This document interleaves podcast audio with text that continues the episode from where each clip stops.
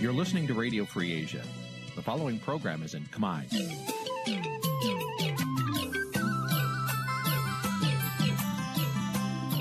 Nǐ ជាកម្មវិធីផ្សាយ Vuthu Azizi Serai នេះជាកម្មវិធីផ្សាយរបស់ Vuthu Azizi Serai ជាភាសាខ្មែរ Vuthu Azizi Serai សូមស្វាគមន៍លោកអ្នកនាងទាំងអស់ពីរដ្ឋធានី Washington នៃសហរដ្ឋអាមេរិក បាទប្រធានាធិបតីវ៉ាស៊ីនតោនខ្ញុំបាទទីនសាក្រាសូមជម្រាបសួរលោកនាងកញ្ញាទាំងអស់ជាទីមេត្រីយើខ្ញុំសូមជូនកម្មវិធីផ្សាយសម្រាប់យប់ថ្ងៃសុក្រ6កើតខែវិសាខឆ្នាំខាលចត្វាស័កពុទ្ធសករាជ2565ត្រូវនៅថ្ងៃទី6ខែឧសភាគ្រិស្តសករាជ2022បាទជាដំបូងនេះសូមអញ្ជើញលោកនាងកញ្ញាស្ដាប់ព័ត៌មានប្រចាំថ្ងៃដែលមានមេត្តាដូចតទៅ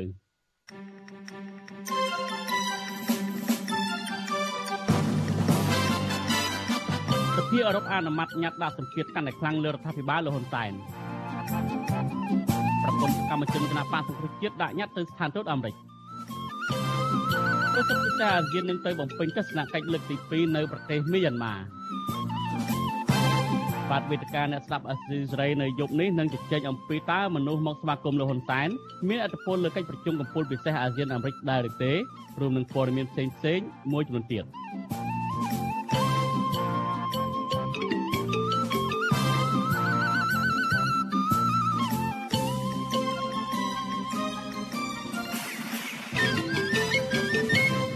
បាទលោកនាយកទីមេត្រីសភាអឺរ៉ុបបានអនុម័តញត្តិរួមគ្នាមួយដើម្បីជំរុញឲ្យសហភាពអឺរ៉ុបទាំងមូលដែលមានសមាជិកចំនួន27ប្រទេសនោះ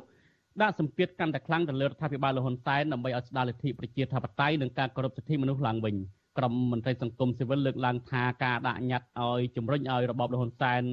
គោរពប្រជាធិបតេយ្យនិងសិទ្ធិមនុស្សនេះគឺជារឿងត្រឹមត្រូវបាទប្រធានាធិបតីវ៉ាស៊ីនតោនលោកថាថៃរាយការណ៍ព័ត៌មាននេះ ក្រុមសមាជិកសភាអឺរ៉ុបដ៏ច្រើនលើសលប់កាលពីថ្ងៃទី5ខែឧសភាបានបោះឆ្នោតអនុម័តញត្តិរួមមួយស្តីពីដំណោះស្រាយបញ្ហាលទ្ធិប្រជាធិបតេយ្យនិងសិទ្ធិមនុស្សនៅកម្ពុជាញត្តិស្តីពីបញ្ហាលទ្ធិប្រជាធិបតេយ្យនិងសិទ្ធិមនុស្សនៅកម្ពុជានេះមានចំនួន15ចំណុចដូចជាការថ្កោលទោសចំពោះលោកនាយករដ្ឋមន្ត្រីហ៊ុនសែននិងគណៈបកប្រជាជនកម្ពុជាដែលរៀបចំការកាត់ទោសសកម្មជននយោបាយសហជីព អ្នកការពារសិទ្ធិមនុស្សអ្នកសារព័ត៌មានអ្នកការពារបរិស្ថាននិងសិស្សនិស្សិតរួមទាំងអ្នកផ្សេងទៀតដោយសារតែការអនុវត្តសិទ្ធិនិងការបញ្ចេញមតិរបស់ពួកគាត់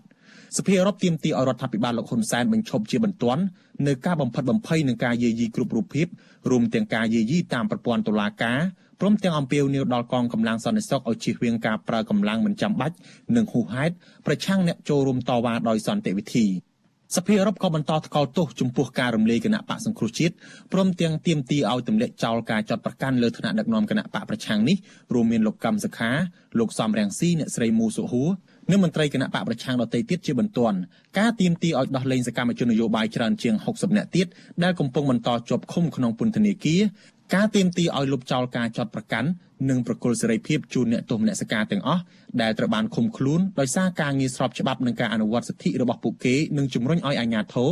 ចាត់វិធានការស៊ើបអង្កេតករណីចាប់ខ្លួនតាមអំពើចិត្តការប្រើប្រាស់អំពើហិង្សាលើសកម្មជននយោបាយនិងសង្គមស៊ីវិលដើម្បីនាំជនល្មើសមកកាត់ទោស។ សភាអឺរ៉ុបថែមទាំងទាមទារឲ្យអាជ្ញាធរកម្ពុជាត្រូវធានាថារាល់ការចាត់ប្រកាន់អំពីករណីឃាតកម្មត្រូវស៊ើបអង្កេតភ្លាមនិងមិនលំអៀងដូចជាករណីឃាតកម្មលើសកម្មជនបកប្រឆាំងលោកស៊ុនខុននិងករណីឃាតកម្មលើបណ្ឌិតកែមលីជាដើមហើយអាជ្ញាធរកម្ពុជាត្រូវចាត់វិធានការចាំបាច់ដើម្បីទប់ស្កាត់និងបញ្ឈប់ការសម្លាប់បែបនេះ។ ក្រៅពីនេះសមាជិកសភាអឺរ៉ុបព្រួយបារម្ភជាខ្លាំងខណៈដែលប្រទេសកម្ពុជាកំពុងរៀបចំការបោះឆ្នោតឃុំសង្កាត់នៅខែមិថុនាឆ្នាំ2022និងការបោះឆ្នោតជាតិនៅខែកក្កដាឆ្នាំ2023ខាងមុខនេះស្ថានភាពសិទ្ធិមនុស្សនិងលទ្ធិប្រជាធិបតេយ្យនៅកម្ពុជាបានដើរដល់ចំណុចវិបត្តិធ្ងន់ធ្ងរបញ្ហានេះដោយសារតែរដ្ឋាភិបាលលោកហ៊ុនសែនកំពុងបន្តអនុវត្តការបង្ក្រាបកាន់តែខ្លាំងលើអ្នកនយោបាយបកប្រឆាំងអ្នកសារព័ត៌មាននិងស្ថាប័នប្រព័ន្ធផ្សព្វផ្សាយឯករាជ្យនិងអង្គការសង្គមស៊ីវិលជាដើម។ លើសពីនេះគណៈកម្មាធិការជ្រៀបចំការបោះឆ្នោតហៅកាត់ថាកោជបបានដកបេក្ខជនជាង100នាក់របស់គណៈបកភ្លើងទៀនមិនឲ្យចូលឈ្មោះក្នុងការបោះឆ្នោតឃុំសង្កាត់គណៈបេក្ខជន5នាក់ទៀតត្រូវបានអាជ្ញាធរចាប់ឃុំខ្លួនសភាអឺរ៉ុបក៏រំលឹកឲ្យក្រុមប្រឹក្សាអឺរ៉ុបពិនិត្យមើលធុរកិច្ចទាំងអស់ដែលមានមូលដ្ឋាននៅសហភាពអឺរ៉ុបដើម្បីធានាថាគ្មានការគ្រប់គ្រងឬជាប់ពាក់ព័ន្ធជាមួយមេដឹកនាំកម្ពុជានិងការបំផ្លិចបំផ្លាញធនធានធម្មជាតិ។ សភាអឺរ៉ុបក៏ជំរុញឲ្យអនុម័តវិធានការរដ្ឋបတ်នានាប្រឆាំងនឹងក្រុមមេដឹកនាំនយោបាយនិងកងកម្លាំងប្រដាប់អាវុធនៅកម្ពុជា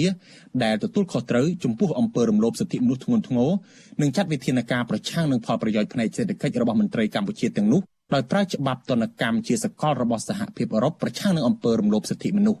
សភាអឺរ៉ុបជំរុញឲ្យមន្ត្រីក្រមប្រឹក្សាអឺរ៉ុបឃ្លាំមើលស្ថានភាពនៅកម្ពុជាជាពិសេសការបោះឆ្នោតនៅពេលខាងមុខឲ្យបានដិតដល់ដើម្បីធានាថាគ្មានការរំលាយគណៈបកភ្លើងទៀនតាមវិធីដ៏គួរឲ្យអស់សំណើចដោយករណីគណៈបកសង្គ្រោះជាតិហើយត្រូវប្រើវិធានការទាំងអស់ដែលមានដូចជាការព្យួរទាំងស្រុងនៅប្រព័ន្ធអនុគ្រោះពាណិជ្ជកម្ម EBA ប្រសិនបើរកឃើញថាការបោះឆ្នោតនៅពេលខាងមុខនេះមានភាពអយុត្តិធម៌ បន្ថែមពីនេះសភាអឺរ៉ុបអំពាវនាវឲ្យសហភាពអឺរ៉ុបទាំងមូលមានប្រទេស27ជាសមាជិកនិងសហគមន៍អន្តរជាតិដាក់សម្ពាធកាន់តែខ្លាំងលើរដ្ឋាភិបាលលោកហ៊ុនសែនពេលកំពុងធ្វើជាប្រធានអាស៊ានដើម្បីផ្ដល់ការការពារដល់សកម្មជននយោបាយនិងសិទ្ធិមនុស្សនិងគណៈបកនយោបាយ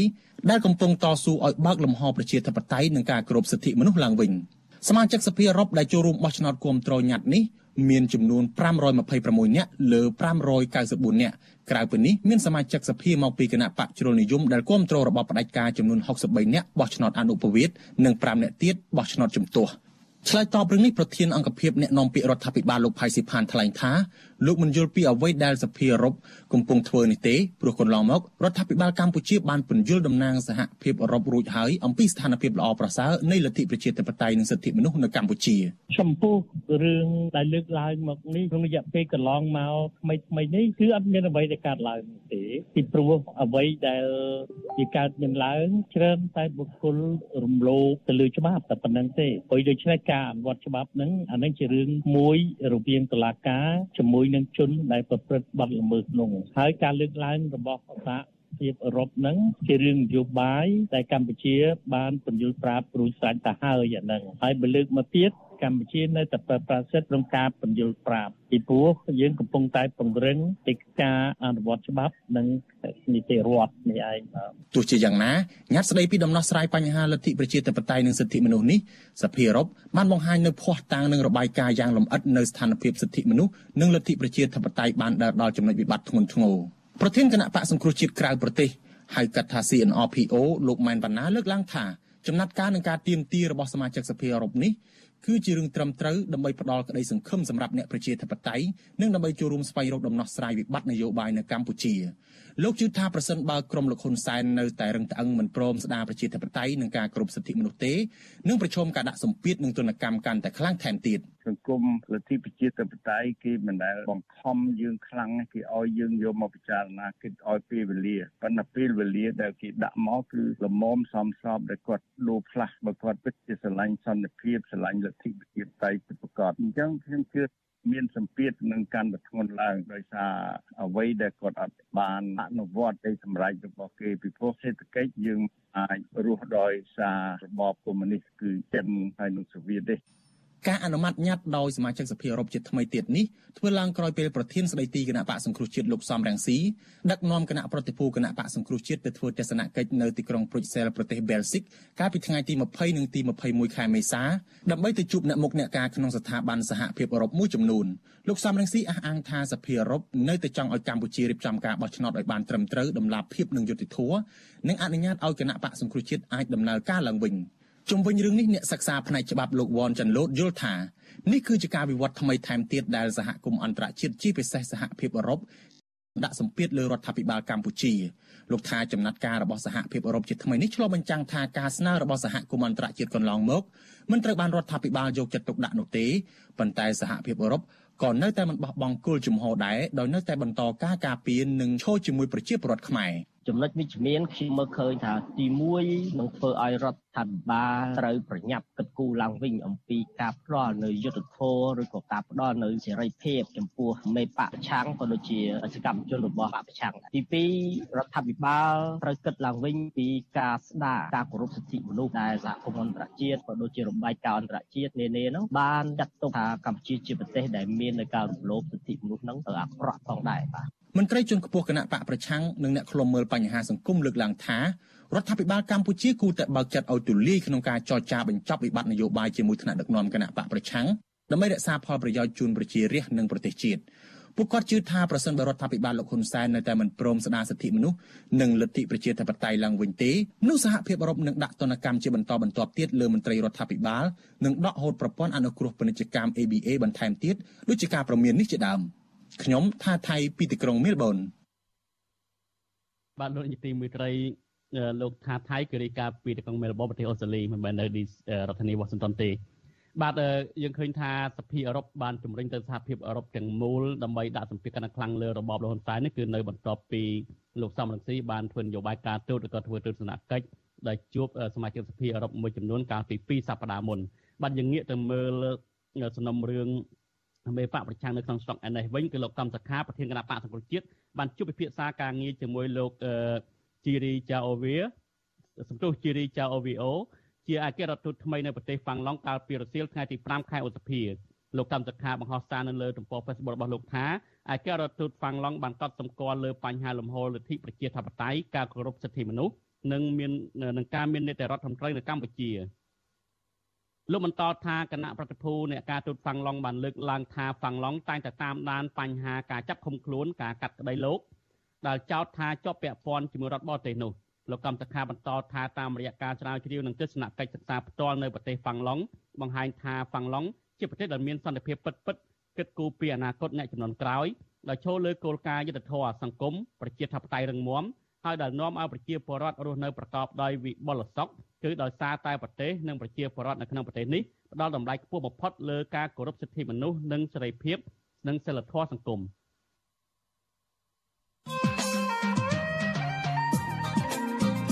បាទលោកនេះទីមេត្រីក្រុមនៃវិភាគលើកឡើងថាទោះជាលោកនាយករដ្ឋមន្ត្រីហ៊ុនសែនខិតខំគៀកមនុស្សឲ្យមករងចាំទទួលស្វាគមន៍លោកនៅរដ្ឋធានីវ៉ាស៊ីនតោនដើម្បីរងចាំបង្ដើម្បីបង្ចង់បង្ហាញពីប្រជាប្រិយភាពរបស់ខ្លួនក្នុងពេលលោកមកចូលរួមកិច្ចប្រជុំកំពូលពិសេសអាស៊ានអាមេរិកនៅថ្ងៃទី12ថ្ងៃទី13អូសភានេះក្តីក៏មិនអាចបាត់បង់អំពើរំលោភសិទ្ធិមនុស្សការធ្វើទុកបុកម្នេញប្រជាពលរដ្ឋនិងការបំផ្លាញប្រជាធិបតេយ្យនៅកម្ពុជាបានដែរ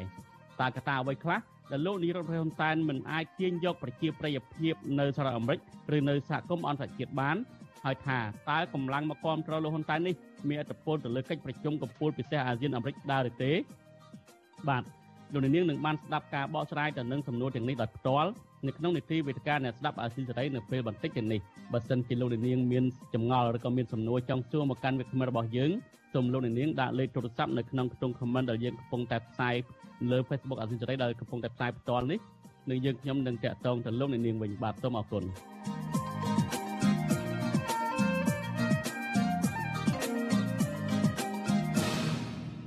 បាទលោកនាយកទីមេត្រីតេតទៅនឹងសកម្មជនគណៈបកប្រឆាំងកំពុងតែជាប់ពន្ធនាគារវិញពួកគេបានរួមគ្នាអំពាវនាវរដ្ឋាភិបាលលហ៊ុនតានជួលតុកចរចាជាមួយមេដឹកនាំគណៈបកសង្គ្រោះជាតិដើម្បីដោះស្រាយវិបត្តិនយោបាយដែលកំពុងតែជាប់គាំងមុនកិច្ចប្រជុំកំពូលអាស៊ានអាមេរិកមកដល់ មន្ត្រីជាន់ខ្ពស់រដ្ឋាភិបាលអះអាងថារដ្ឋាភិបាលពុំចរចាជាមួយគណៈបកសង្គ្រោះជាតិនោះទេព្រោះគណៈបកនេះតឡការបានរំលាយបាត់ទៅហើយប៉ុន្តែមន្ត្រីសង្គមស៊ីវិលទទូចឲ្យមេដឹកនាំនយោបាយបន្តបពធសន្តានាដើម្បីតម្កល់ផលប្រយោជន៍ជាតិជាធំបាទប្រធានាធិបតីវ៉ាស៊ីនតោននៃស្រីម៉ៅសុធីនីរាយការណ៍ព័ត៌មាននេះ សកម្មជននយោបាយដែលកំពុងជាប់ឃុំ ចង់ឃើញមេដឹកនាំគណៈបកកាន់អំណាចនិងគណៈបកសង្គ្រោះជាតិចូលតុចរចាបញ្ចប់សង្គ្រាមនយោបាយដោយត្រូវសម្របសម្រួល ពីភាគីអង្គការសហប្រជាជាតិសហភាពអឺរ៉ុបនិងប្រទេសហត្ថលេខីនៃកិច្ចព្រមព្រៀងសន្តិភាពទីក្រុងប៉ារីសដើម្បីផលប្រយោជន៍ជាតិ លិខិតចុះថ្ងៃទី2ខែឧសភាដោយមានហត្ថលេខាមន្ត្រីនិងសកម្មជនគណៈបកសង្គ្រោះជាតិដែលកំពុងជាប់ពន្ធនាគារប្រៃសណជាង10នាក់ រួមមានលោកគង់សំអាន លោកសុនថុននិងសកម្មជនផ្សេងទៀតបានឲ្យដឹងថាពួកគេគ្រប់គ្រងចំពោះអនុសាសន៍របស់អង្គការសង្គមស៊ីវិលដែលបានស្នើដល់រដ្ឋាភិបាលឲ្យដោះស្រាយបញ្ហាសិទ្ធិមនុស្សប្រជាធិបតេយ្យរួមទាំងដោះលែងអ្នកជាប់ឃុំនយោបាយឲ្យមានសេរីភាព មុនពេលកិច្ចប្រជុំកំពូលអាស៊ានអាមេរិកនៅពេលខាងមុខដើម្បីឲ្យខ្មែរគ្រប់ភាគីមានឱកាសចូលរួមការបោះឆ្នោតនាពេលខាងមុខ ចាកូនស្រីមន្ត្រីគណៈបពប្រឆាំងដែលកំពុងជាប់ពន្ធនាគារលោកគង់សំអាន គឺកញ្ញាគង់មួយលីប្រពន្ធស៊ីស្រី ថាលិខិតនេះពិតជាលិខិតរបស់ឪពុករបស់កញ្ញានិងសកម្មជនគណៈបកផ្សេងទៀតដែលផ្សាយចេញពីពន្ធនាគារពិតប្រាកដមែន កញ្ញាគង់មួយលីឲ្យដឹងថាឪពុករបស់ខ្លួន គឺជាមនុស្សស្អាតស្អំនិងបានធ្វើការងារជាប្រយោជន៍សង្គមរាប់ឆ្នាំមកហើយក៏ប៉ុន្តែគាត់បែរជាជាប់ពន្ធនាគារទាំងគ្មានកំហុសនិងអយុត្តិធម៌ដោយសារតែរឿងនយោបាយលោកគង់សំអានត្រូវតឡាការកម្ពុជាតម្កល់សេចក្តីសម្រេចរបស់តឡាការខេត្តត្បូងឃ្មុំឲ្យជាប់ពន្ធនាគារ7ឆ្នាំពីបទក្បត់ជាតិ មាននយោបាយទាំងអស់គាត់មានតែពាក្យដដែលដដែលនោះឲ្យសំណុំពរឲ្យសំណុំពរទៀតឲ្យមានការដោះលែងពួកគាត់ឲ្យពួកគាត់ចេញមកខាងក្រៅហើយគាត់នឹងធ្វើនយោបាយដើម្បីបម្រើប្រជាជនអ្នកស្លូតត្រង់បម្រើជាតិគាត់មិនចង់មិនយកខ្មែរជាសត្រូវទេគាត់ជួយប្រជាជនណាក្រីក្រគាត់យកអាសាគាត់មិនទៅលួចឆក់ខ្លំគេទេគោលបំណងគាត់គឺចង់ឲ្យប្រទេសកម្ពុជាយើងគោរពសិទ្ធិ ស្របពេលដែលវិបត្តិនយោបាយមិនទាន់រកច្រកចេញហើយរដ្ឋាភិបាលបន្តចោទប្រកាន់និងចាប់ខ្លួនសកម្មជនបពប្រឆាំងដាក់ពន្ធនាគារជាបន្តបន្ទាប់នោះក្រុមអ្នកទោសនយោបាយតែងតែផ្ញើសម្បត្តិតាមសាច់ញាតិរបស់ពួកគេ ដោយទាមទារអរដ្ឋាភិបាលលោកហ៊ុនសែនគោរពសិទ្ធិមនុស្សប្រជាធិបតេយ្យនិងត្រូវដោះស្រាយវិបត្តិនយោបាយជាហូរហែ ឆ្លើយតបនឹងរឿងនេះប្រធានអង្គភិបអ្នកនាំពាក្យរដ្ឋាភិបាលលោកផៃស៊ីផាន លើកឡើងថារដ្ឋាភិបាលយកចិត្តទុកដាក់ពង្រឹងលទ្ធិប្រជាធិបតេយ្យតាមរយៈដំណើរការបោះឆ្នោត ពីថ្នាក់ក្រោមជាតិរហូតដល់ថ្នាក់ជាតិជាបន្តបន្ទាប់លោកអះអាងថាកម្ពុជាពុំមានអ្នកទោសនយោបាយជាប់ពន្ធនាគារនោះឡើយពីព្រោះកន្លងមកចំណាត់ការលើក្រុមសកម្មជនទាំងនោះ គឺតុលាការផ្អែកលើអង្គហេតុនិងភ័ស្តុតាងត្រឹមត្រូវតាមច្បាប់ ហើយក៏ជំរុញឲ្យក្រុមអ្នកជាប់ឃុំគួរតែរកមេធាវី ដើម្បីតតាំងផ្លូវតាមច្បាប់ទៅមានប្រយោជន៍ជាងលោកបញ្ជាក់ថារដ្ឋាភិបាលពុំមានការចរចាណាមួយជាមួយនឹងមេដឹកនាំគណៈបកសង្គ្រោះជាតិនោះដែរដោយសារតែបកនេះបានត្រូវតឡាការរំលាយរួចហើយលោកថាគណៈជាប់ឃុំតែតឡាការផ្ដន្ទាទោសរួចហើយនោះ ពួកគេអាចរកដំណោះស្រាយនយោបាយដោយធ្វើលិខិតស្នើសុំមកលោកនាយករដ្ឋមន្ត្រី តាមរយៈក្រសួងមហាផ្ទៃដើម្បីសុំបរិយាអន្តរាគមពី5មហាក្សត្រដើម្បីលើកលែងទោសមានតែអ្នកនយោបាយប្រព្រឹត្តខុសនឹងច្បាប់ដែលគេរកឃើញអង្គហេតុមកប្រកបហ្នឹងដែលវាប្រឆាំងនឹងច្បាប់ បានគេសម្រេចសេចក្តីមានទោសមានតននឹងទៅបើគ្រាន់សកម្មភាពនយោបាយតាមអ្វីដែលធានាដោយច្បាប់ដោយរដ្ឋធម្មនុញ្ញខ្ញុំមើលមិនមានអ្វីដែលជាបញ្ហាសម្រាប់អ្នកទាំងអស់នោះទេទោះយ៉ាងណាករណីនេះអ្នកជាប់ឃុំនយោបាយរំលឹកថាថ្មីបារយៈពេលជិត30ឆ្នាំមកនេះកម្ពុជាមិនមានសង្គ្រាមកើតឡើងដោយប្រើអាវុធយ៉ាងណាក្តី ប៉ុន្តែបរដ្ឋខ្មែរជាពិសេសអ្នកនយោបាយនិងសង្គមស៊ីវិលបានទទួលរងការឈឺចាប់ជាខ្លាំងតាមរយៈការគម្រាមកំហែងការបំបិទសិទ្ធិត្រីភាពបញ្ចេញមតិហើយរហូតដល់មានករណីហិង្សាបាញ់សម្លាប់ និងចាប់ដាក់ពន្ធនាគារទាំងអយុត្តិធម៌នាយកទទួលបន្ទុកកិច្ចការទូតនៃអង្គការសិទ្ធិមនុស្សលីកាដូលោកអំសំអាត មានប្រសាសន៍ថាច្បាប់ធានាអំពីសិទ្ធិរបស់ប្រជាពលរដ្ឋគ្រប់រូបក្នុងការចូលរួមជីវភាពនយោបាយសេដ្ឋកិច្ចនិងសង្គមដោយសេរីប៉ុន្តែចាប់តាំងពីការរំលាយគណៈបកប្រឆាំងនិងការធ្វើទុកបុកម្នេញការចាប់សកម្មជននយោបាយដាក់ពន្ធនាគារមកបានធ្វើឲ្យស្ថានភាពសិទ្ធិមនុស្សនិងលទ្ធិប្រជាធិបតេយ្យនៅកម្ពុជាធ្លាក់ចុះលោកថាបញ្ហានេះសហគមន៍ជាតិនិងអន្តរជាតិជាពិសេសសហរដ្ឋអាមេរិកនិងសហភាពអឺរ៉ុបបន្តទាមទាររដ្ឋាភិបាលពិនិត្យនិងកែលម្អឡើងវិញ ដើម្បីផលប្រយោជន៍ជាតិនិងធានានូវសិទ្ធិមូលដ្ឋានរបស់ប្រជាពលរដ្ឋដែលឡែកលោកអំសំអាតរំពឹងថាសហរដ្ឋអាមេរិកនឹងលើកពីបញ្ហាសិទ្ធិមនុស្សប្រជាធិបតេយ្យយកទៅជជែកទ្វេភាគីជាមួយរដ្ឋាភិបាលកម្ពុជា ក្នុងអំឡុងកិច្ចប្រជុំកម្ពុជានាពេលឆាប់ៗខាងមុខនេះ។ ជាអង្គការសង្គមស៊ីវិលយើងនៅតែទទូចថាកម្ពុជាគួរតែពិនិត្យនិងពិចារណាធ្វើការកែលម្អបន្ថែមទៀតទៅលើបញ្ហាការគោរពសិទ្ធិមនុស្សនិងលទ្ធិប្រជាធិបតេយ្យនិងជាពិសេសគឺសិទ្ធិពលរដ្ឋនិងសិទ្ធិនយោបាយហើយទី2សូមឲ្យអ្នកនយោបាយទាំងអស់គោលលើឧត្តមប្រយោជន៍ជាតិឲ្យមានការបន្តនៅវប្បធម៌ សន្តិនិករវាងអ្នកនយោបាយនិងអ្នកនយោបាយដើម្បីបញ្ចប់បញ្ហាវិបត្តិនយោបាយហើយចូលរួមការប្រកួតប្រជែងវាតាមបែបលទ្ធិជាតិតែគឺការបោះឆ្នោតដោយសេរីត្រឹមត្រូវនិងយុត្តិធម៌ ថ្មីថ្មីនេះក្រុមអង្គការសង្គមស៊ីវិលរកឃើញថាប្រជាប្រដ្ឋនៅតែមិនមានសិទ្ធិភាព ក្នុងការអនុវត្តត្រីភាពជាមូលដ្ឋានរបស់ខ្លួនអាជ្ញាធរបានជាឆ្លេតតាមទំនឹងចិត្តដោយការជួបប្រជុំការកាត់ឡើងនៃការរដ្ឋបတ်ការបញ្ចេញមតិអនឡាញនិងក្រុមគណៈបកនយោបាយជំទាស់ត្រូវបានកំណត់មុខសញ្ញាជាដើម បន្ថែមពីនេះអំពើហិង្សាលើរាងកាយចំពោះអតីតសមាជិកគណៈបកសង្គ្រោះជាតិដោយជន់មិនស្គាល់មុខវាតាមដងផ្លូវហើយក្នុងនោះក៏មានមួយករណីធ្វើឃាតសកម្មជនគណៈបកសង្គ្រោះជាតិសកម្មជននយោបាយដែលកំពុងជាប់ពន្ធនាគារក៏អំពាវនាវដល់អង្គការសហប្រជាជាតិនិងសហគមន៍អឺរ៉ុប ព្រមទាំងប្រទេសហត្ថលេខីទាំងអស់អន្តរាគមទៅរដ្ឋាភិបាលលោកហ៊ុនសែនឲ្យងាកមកការគ្រប់សិទ្ធិមនុស្សនិងស្ដារប្រជាធិបតេយ្យឡើងវិញចាននាងខ្ញុំម៉ៅសុធានីវិទ្យុអសីស្រីប្រធានាធិបតី Washington បាទលោកនាយកទីមេត្រីនៅទន្ទឹមនឹងសកម្មជនគណៈបកប្រឆាំងកំពុងជាប់ឃុំឃាំងនៅក្នុងពន្ធនាគារអំពីនីយឲ្យមានការចរចានយោបាយនេះក្រុមភរិយារបស់ពួកគាត់នៅក្រៅឃុំឯនេះវិញឬហៅថាក្រុមស្ត្រីថ្ងៃសុកនោះ ពួកគេបន្តយុទ្ធនាការដាក់ញត្តិជូនស្ថានទូតអាមេរិកដើម្បីជំរុញឲ្យមានការដោះលែងប្តីរបស់ពួកគេដែលរដ្ឋាភិបាលលហ៊ុនសែនចាប់ដាក់ពន្ធនាគារព្រោះតែមាននិន្នាការនយោបាយមិនស្របទៅនឹងគណៈបកកណ្ដាលអំណាចមន្ត្រីសិទ្ធិមនុស្សលើកឡើងថារដ្ឋាភិបាលគួរតែពន្យាការផ្សះផ្សាវិបត្តិនយោបាយឲ្យមានភាពល្អប្រសើរមុននឹងទៅចូលរួមកិច្ចប្រជុំកំពូលពិសេសអាស៊ានអាមេរិកបាទប្រធានាធិបតីវ៉ាស៊ីនតោននៃស្រីខែសំណងរាយការណ៍ព័ត៌មាននេះ ក្រមស្ត្រីថ្ងៃសុកប្រមាណ10នាក់នៅព្រឹកថ្ងៃទី6ឧសភាបានដាក់ញត្តិជូនស្ថានទូតអាមេរិកដើម្បីស្នើជួយអន្តរាគមន៍ទៅរដ្ឋាភិបាលលោកហ៊ុនសែនឲ្យដោះលែងប្តីរបស់ពួកគាត់ដែលកំពុងរងទុក្ខវេទនាក្នុងពន្ធនាគារទាំងអយុធធរណ៍ ប្រពន្ធសកម្មជនបកប្រឆាំងលោកកកុម្ភាគឺលោកស្រីព្រំចន្ទថាថ្លែងប្រាប់វិទ្យុអាស៊ីសេរីថាគោលបំណងដ៏ធំដែលពួកគាត់ដាក់ញត្តិនៅពេលនេះដើម្បីជំរុញឲ្យមានការដោះលែងប្តីដែលកំពុងជាប់ពន្ធនាគារទាំងគ្មានកំហុសមករួមរស់ជាមួយប្រពន្ធកូនវិញលោកស្រីព្រំចន្ទថាទទូចស្នើដល់តុលាការនិងរដ្ឋាភិបាលលោកហ៊ុនសែនឲ្យដោះលែងប្តី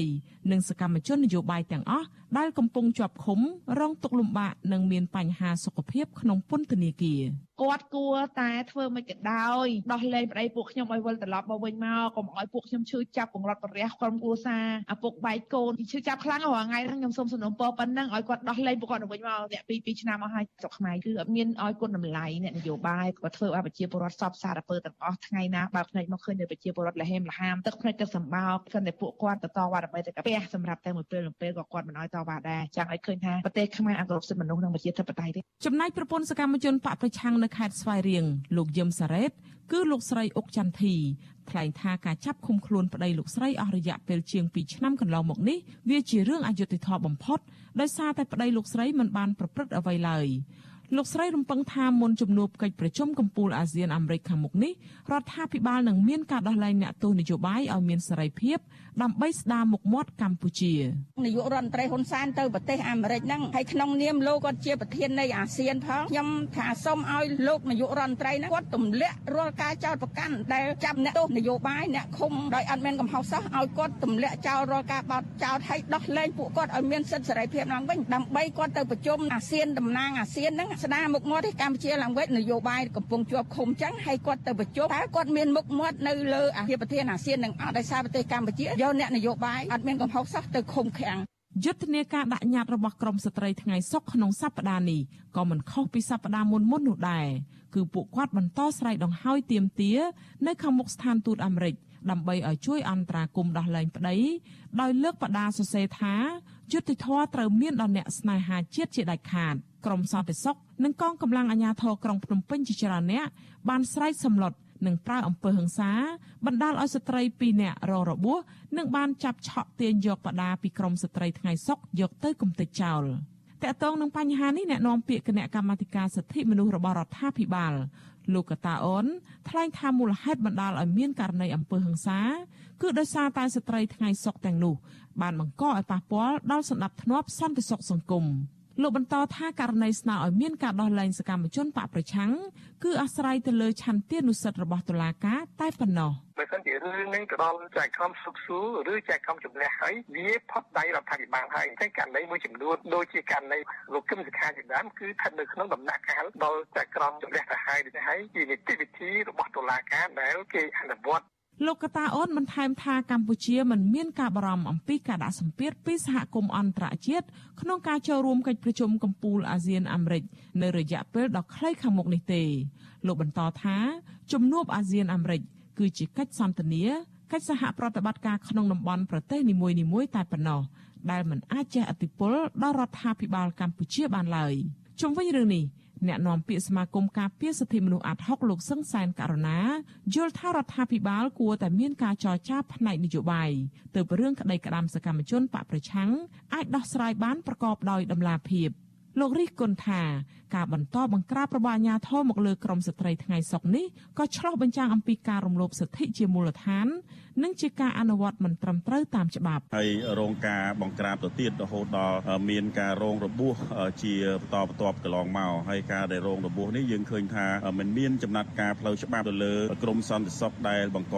របួសស្នាមទៅលើក្រមស្ត្រីថ្ងៃសុកទៅទៀតបច្ចុប្បន្នសកម្មជនបកប្រឆាំងនិងអ្នកបញ្ចេញមតិរិះគន់រដ្ឋាភិបាលប្រមាណ60នាក់កំពុងជាប់ឃុំនៅក្នុងពន្ធនាគារព្រៃសរ ក្នុងនោះសកម្មជនមួយចំនួនត្រូវបានតុលាការកាត់ក្តីដាក់ពន្ធនាគារពី5ឆ្នាំទៅ7ឆ្នាំករណីសកម្មជនខ្លះទៀតតុលាការកាត់ទោស5ឆ្នាំប៉ុន្តែឲ្យអនុវត្តទោស3ឆ្នាំ8ខែហើយទោសដែលនៅសល់ត្រូវព្យួរតុលាការក៏កំពុងបើកសវនាការលើសកម្មជនមួយចំនួនទៀតពីបទញុះញង់រួមគំនិតក្បត់ និងញុះញង់មិនឲ្យយុធិនស្ដាប់បង្គាប់ ពាក់ព័ន្ធទៅនឹងដំណើរមាតុភូមិនិវត្តរបស់លោកសំរងស៊ីកាលពីចុងឆ្នាំ2019និងយុទ្ធនាការបង្កើតចលនាសង្គ្រោះជាតិនៅក្រៅប្រទេសកាលពីឆ្នាំ2018ក្រុមអង្គការសង្គមស៊ីវិលជាតិនិងអន្តរជាតិជាច្រើនស្ថាប័នបានចាត់ទុកការឃុំសកម្មជនទាំងនេះថាជាការធ្វើទុកបុកម្នេញផ្នែកនយោបាយនិងស្នើឲ្យតុលាការទម្លាក់ចោលការចោទប្រកាន់និងដោះលែងជនជាប់ឃុំទាំងនោះឲ្យមានសេរីភាពវិញដោយគ្មានលក្ខខណ្ឌ ចា៎នាងខ្ញុំខែសុណងវັດឈូអេស៊ីសេរីរាយការណ៍ពីរដ្ឋធានី Washington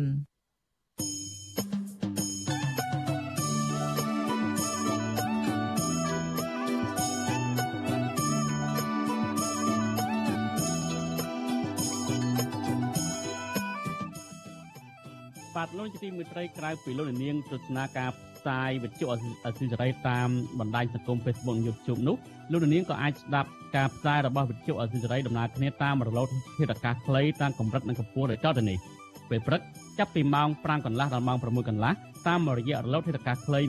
12140 kHz ស្មើនឹងកម្ពស់ 25m និង13715 kHz ស្មើនឹងកម្ពស់ 22m ពេលយប់ចាប់ពីម៉ោង7កន្លះដល់ម៉ោង8កន្លះ តាមរយៈរលកធាតុអាកាសខ្លី9960 kHz ស្មើនឹងកម្ពស់ 30m និង12140 kHz ស្មើនឹងកម្ពស់ 25m និង11885 kHz ស្មើនឹងកម្ពស់ 25m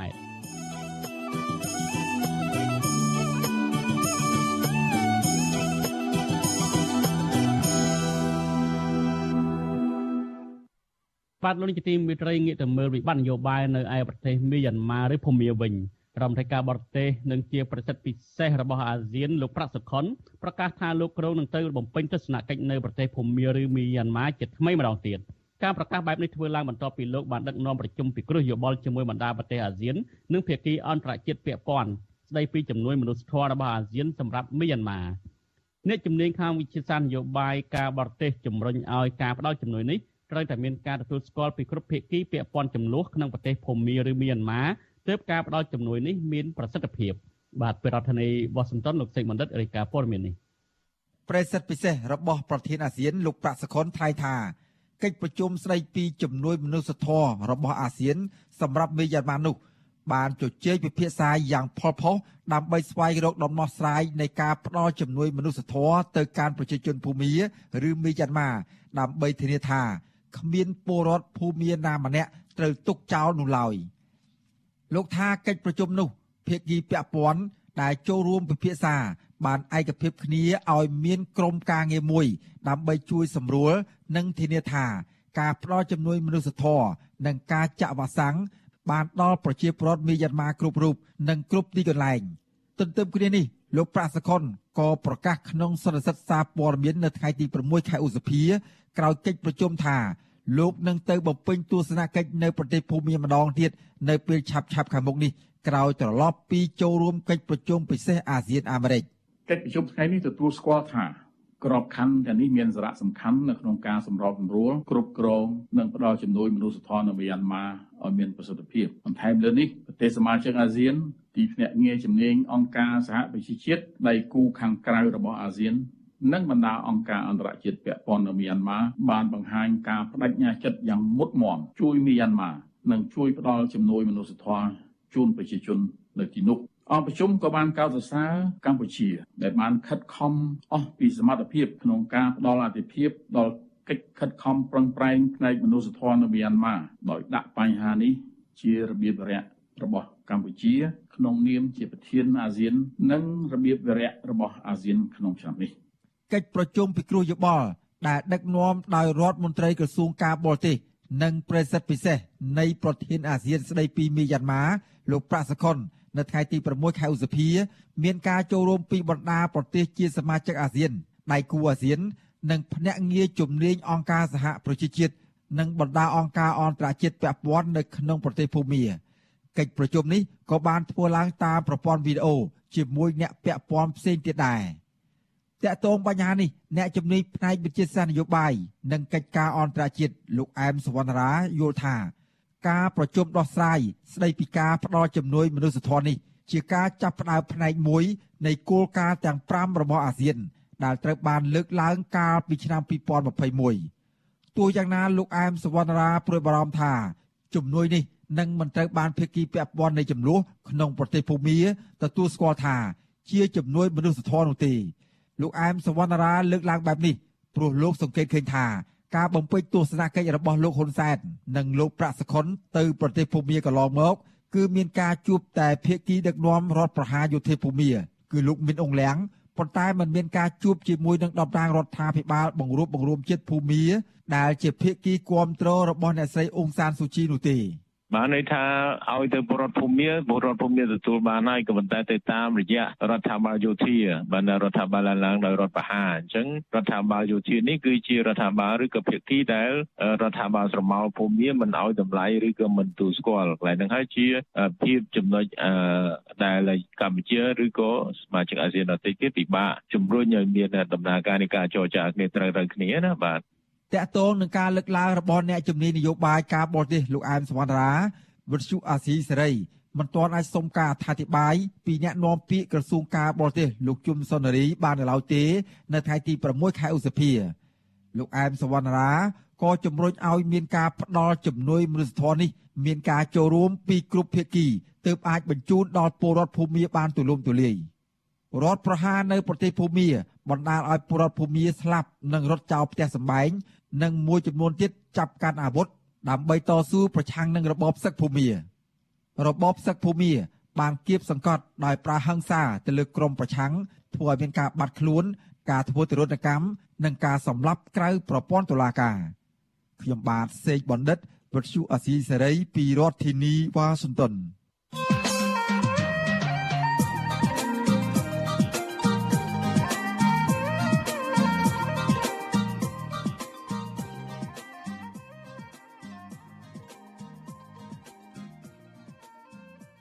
បាទលោកជាទីមេត្រីក្រុមនៃវិភាគលើកឡើងថាទោះជាលោកនាយករដ្ឋមន្ត្រីហ៊ុនសែនខិតខំគៀកក៏មនុស្សឲ្យមករងចាំទទួលស្វាគមន៍លោកនៅរដ្ឋធានីវ៉ាស៊ីនតោនដើម្បីបង្ហាញពីប្រជាប្រិយភាពរបស់ខ្លួនក្នុងពេលលោកមកចូលរួមកិច្ចប្រជុំកំពូលពិសេសអាស៊ានអាមេរិកនៅថ្ងៃទី12ដល់ថ្ងៃទី13ឧសភានេះក្តីក៏មិនអាចបាត់បង់អំពើរំលោភសិទ្ធិមនុស្សការធ្វើទុកបុកម្នេញប្រជាពលរដ្ឋនិងការបំផ្លាញលទ្ធិប្រជាធិបតេយ្យនៅកម្ពុជាបានដែរ តើកត្តាអ្វីខ្លះដែលលោកនេះដែលលោកហ៊ុនសែនមិនអាចទាញយកប្រជាប្រិយភាពនៅនៅសហរដ្ឋអាមេរិកឬសហគមន៍អន្តរជាតិបានហើយថាតើកម្លាំងមកគ្រប់គ្រងលោកហ៊ុនសែននេះមានអធិបុលទៅលើកិច្ចប្រជុំកំពូលពិសេសអាស៊ានអាមេរិកដែរឬទេបាទលោកនាងនឹងបានស្ដាប់ការបកស្រាយទៅនឹងសំណួរទាំងនេះដោយផ្ទាល់នៅក្នុងនីតិវេទិកាអ្នកស្ដាប់អាស៊ីសេរីនៅពេលបន្តិចទៀតនេះកុំបីខានបាទលោកនាងក៏អាចដាក់សំណួរ នៅក្នុងខ្ទង់ comment ឬក៏លេខទូរស័ព្ទនៅក្នុងខ្ទង់ comment Facebook YouTube ដែលយើងកំពុងតែផ្សាយផ្ទាល់នេះយើងខ្ញុំនឹងតាក់ទងទៅលោកនាងវិញបាទសូមអរគុណ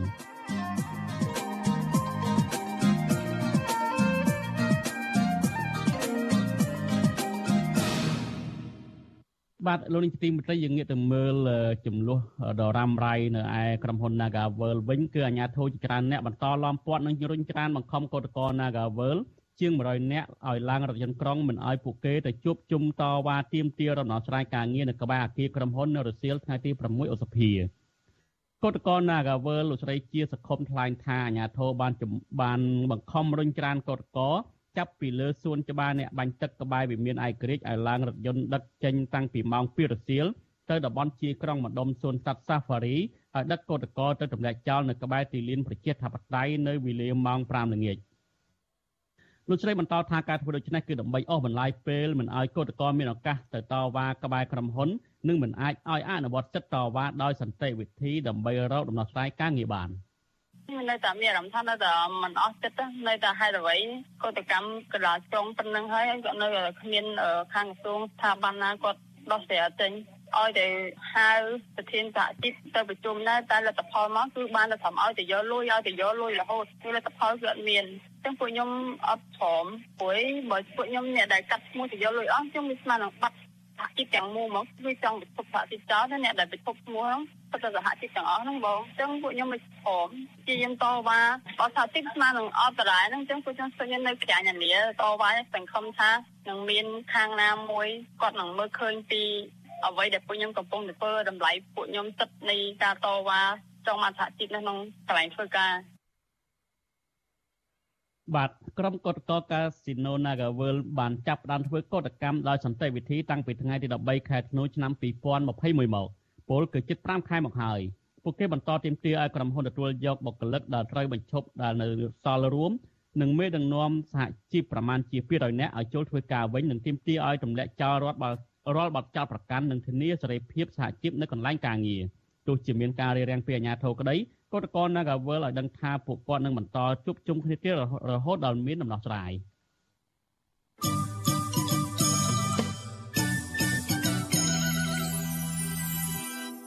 បាទលោកនាយកទីមេត្រីនៅខេត្តរតនគិរីឯណោះវិញជនជាតិដើមភាគតិចចរាយរាប់រយគ្រួសាររស់នៅស្រុកអូយ៉ាដាខេត្តរតនគិរីអំពាវនាវឲ្យអាជ្ញាធរខេត្តនេះជួយការពារនិងអភិរក្សដើមឈើធំធំ នៅលើកោះក្រំដែលកំពុងប្រឈមការកាប់បំផ្លាញយ៉ាង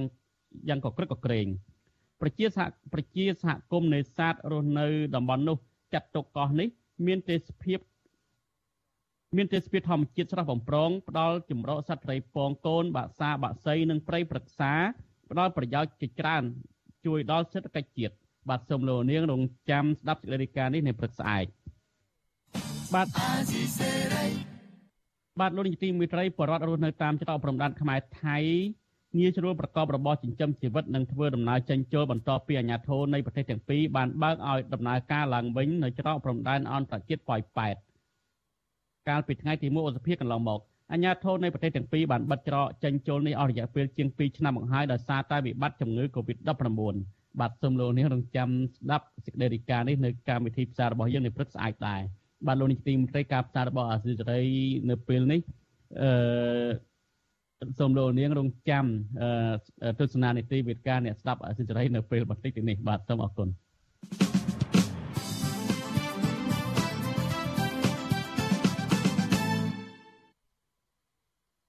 បាទលោកនាយកទីមេត្រីជាបន្តទៅនេះគឺជានីតិវិទ្យាអ្នកស្ដាប់អាស៊ីសេរី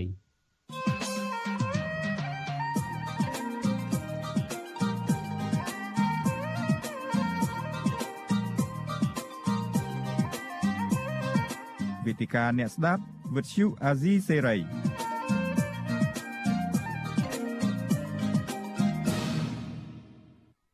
បាទខ្ញុំបាទទីនសាករិយាសូមជម្រាបសួរលោកនាងជាថ្មីម្ដងទៀតអឺជាបន្តទៅគឺជានីតិវេទិកាអ្នកស្ដាប់អាស៊ីសេរីដែលយើងនឹងជជែកអំពីថាតើមនុស្សមកស្វាគមន៍លោកហ៊ុនសែននឹងមានអធិបុលទៅលើកិច្ចប្រជុំកំពូលពិសេសអាស៊ានអាមេរិកដែរឬទេហើយថាតើលោកហ៊ុនសែនដែលគៀកមនុស្សឲ្យមកចូលរួមចាំទទួលស្វាគមន៍លោកនៅពេល ខាងមុខនេះដែលចាប់តាមកិច្ចប្រជុំនៅថ្ងៃទី12 13ឧសភាខាងមុខនេះនឹងធ្វើឲ្យលោកកាន់តែមានប្រជាប្រិយភាពថែមទៀតឬក៏យ៉ាងណាហើយវាគ្មិនដល់ចូលរួមនៅក្នុងការពិភាក្សារបស់យើងនៅពេលនេះយើងមានពីររូបគឺអ្នកខ្លោមើលផ្នែកអភិវឌ្ឍសង្គមគឺលោកបណ្ឌិតសេនស៊ូរីពីប្រទេសអូស្ត្រាលីហើយវាគ្មិនពិសេសរបស់យើងមួយរូបទៀតគឺនៅឯកម្ពុជាតែម្ដងដែលជា ដែលមានសញ្ជាតិអាមេរិកកាំងថែមទៀតគឺកញ្ញាសេនធារីដែលកញ្ញាជាអ្នកជំនាញខាងច្បាប់និងវិជាសាស្ត្រនយោបាយអន្តរជាតិខ្ញុំបាទសូមជម្រាបសួរលោកវិក្កាមទី2បាទបាទសូមជម្រាបសួរបាទជំរាបសួរលោកសាការីយ៉ាជំរាបសួរលោកបណ្ឌិតសេងសេរីជំរាបសួរបងប្អូនទាំងអស់គ្នាបាទអរគុណច្រើនដែលកញ្ញាសេនធារីហើយនិងលោកបណ្ឌិតសេនធារីបានចូលរួមហើយ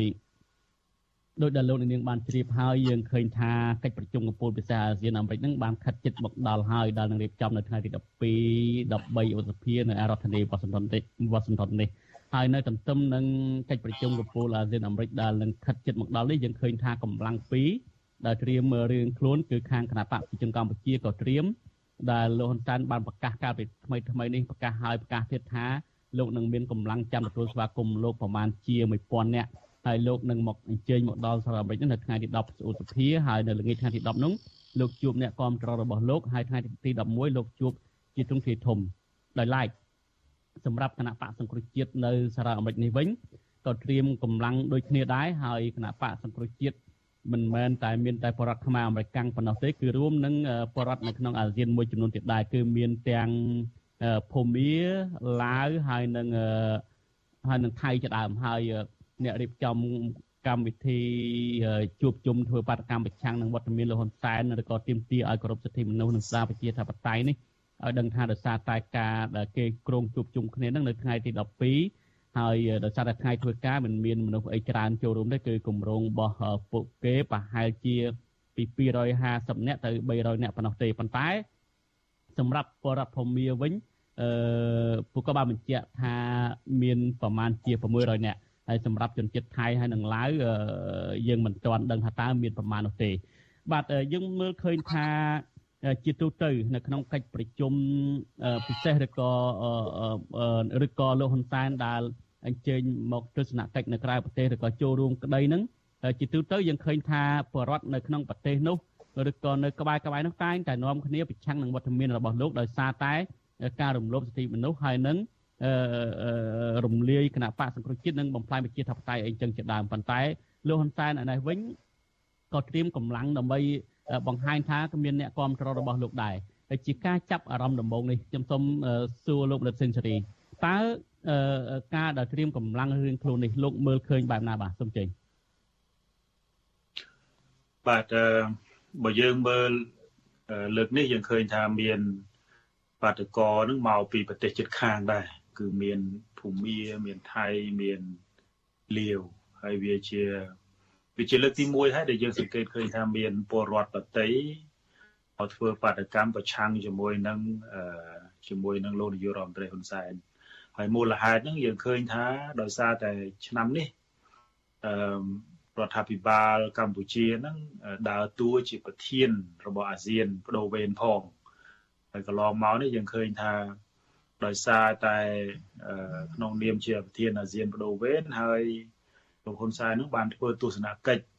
ផ្លូវការមួយកាលពីដើមខែមករាឆ្នាំ2022នេះដើម្បីសាកល្បងនៅវិធីសាស្ត្រនៅក្នុងការវិធីសាស្ត្រថ្មីនៅក្នុងការដោះស្រាយបញ្ហាវិបត្តិនៅភូមិក៏ប៉ុន្តែទន្ទឹមនឹងហ្នឹងយើងដូចយើងបានដឹងហើយថាមានការរិះគន់ខ្លាំងណាស់ពីបណ្ដាអង្គការ អន្តរជាតិពីបណ្ដាញអង្គការសង្គមស៊ីវិលក៏ដូចជាបណ្ដាប្រទេស ដែលជាសមាជិករបស់អាស៊ានដែរក៏ប៉ុន្តែបើសិនជាយើងមើលកលេចមើល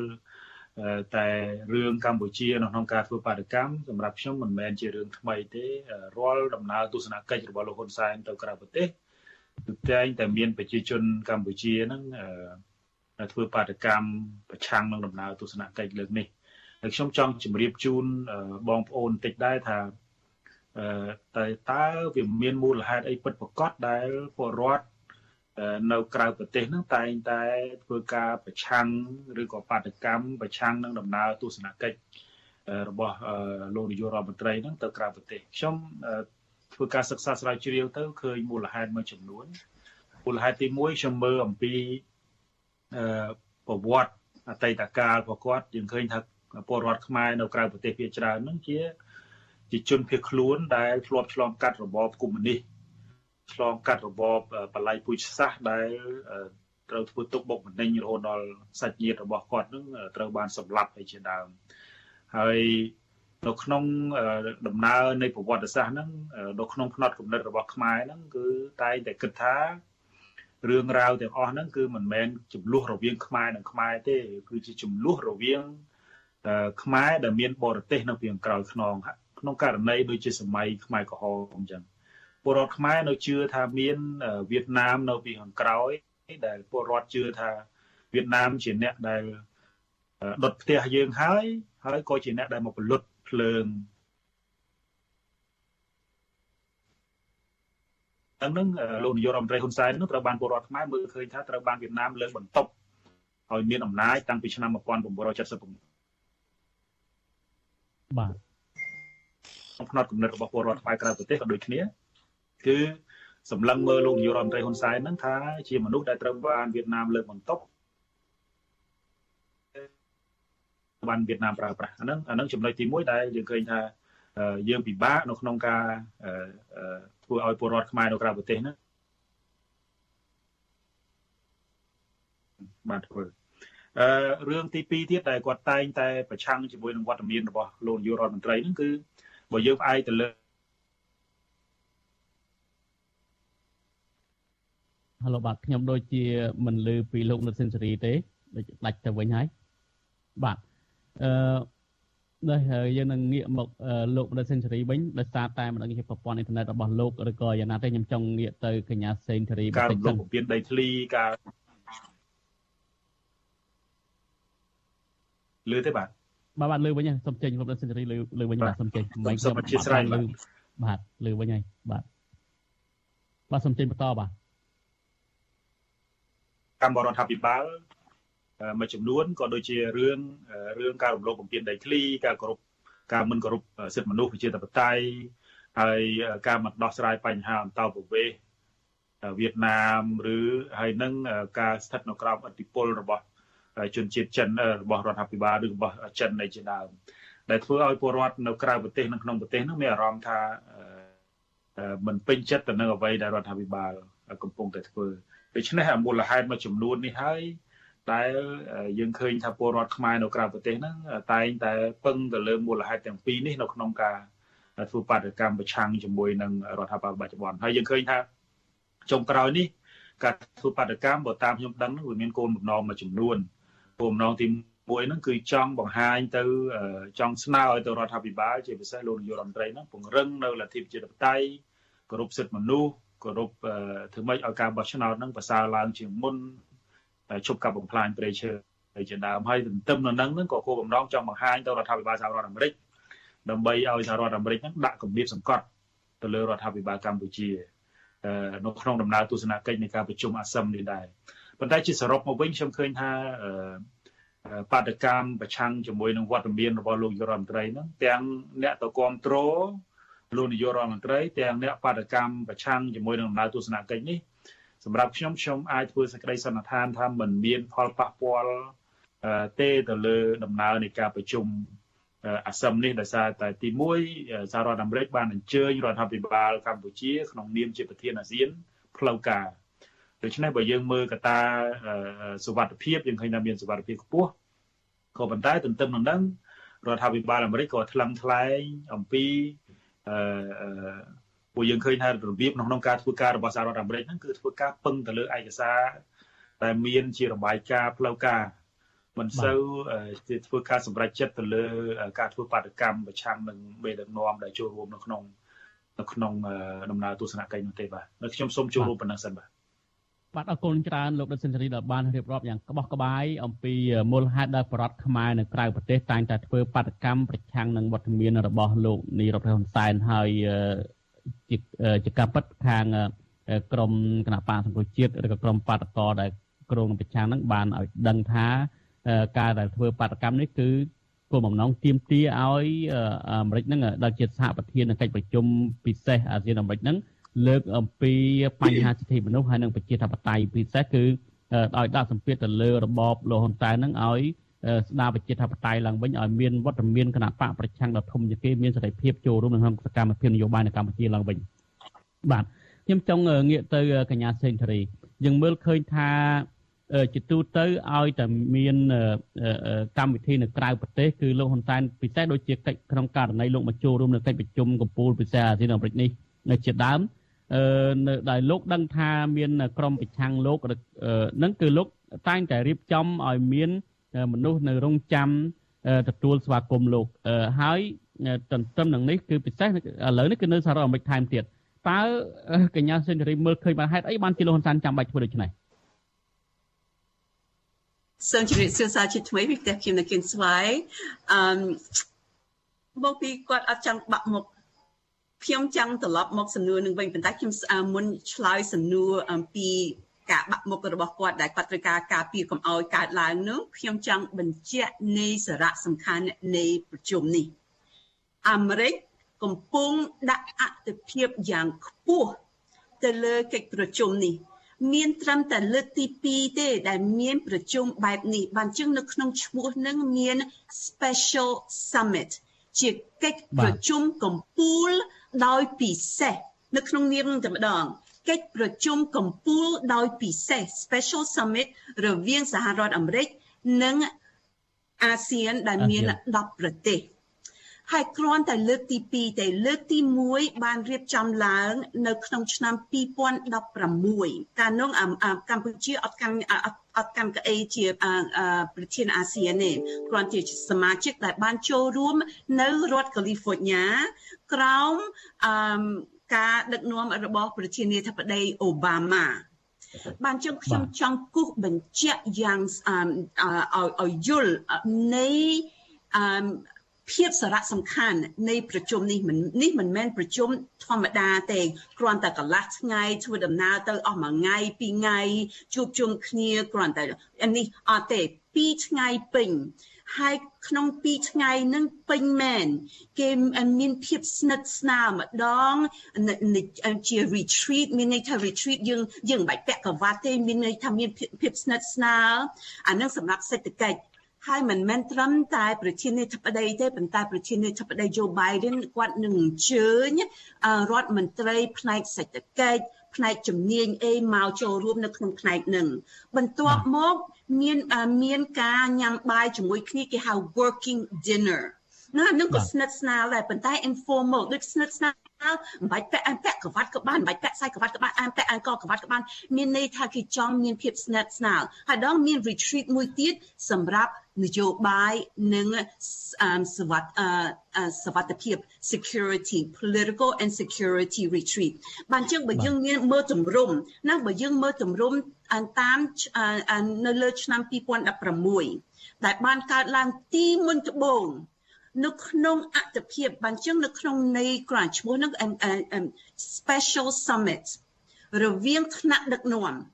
មិនមែនរដ្ឋមន្ត្រីការក្រសួងការបរទេសពួកគាត់នឹងចូលរួមប៉ុន្តែនេះថ្នាក់ដឹកនាំជាប្រធានាធិបតីជានាយករដ្ឋមន្ត្រីតែម្ដងហើយពីរថ្ងៃដែលមានភាពស្និទ្ធស្នាលមួយផ្នែកមាន economic retreat មួយផ្នែកជា informal working dinner ការញ៉ាំអាហារជាមួយគ្នាប៉ុន្តែស្និទ្ធស្នាលហើយមួយផ្នែកទៀតផ្ដោតអារម្មណ៍ទៅលើ retreat មួយទៀត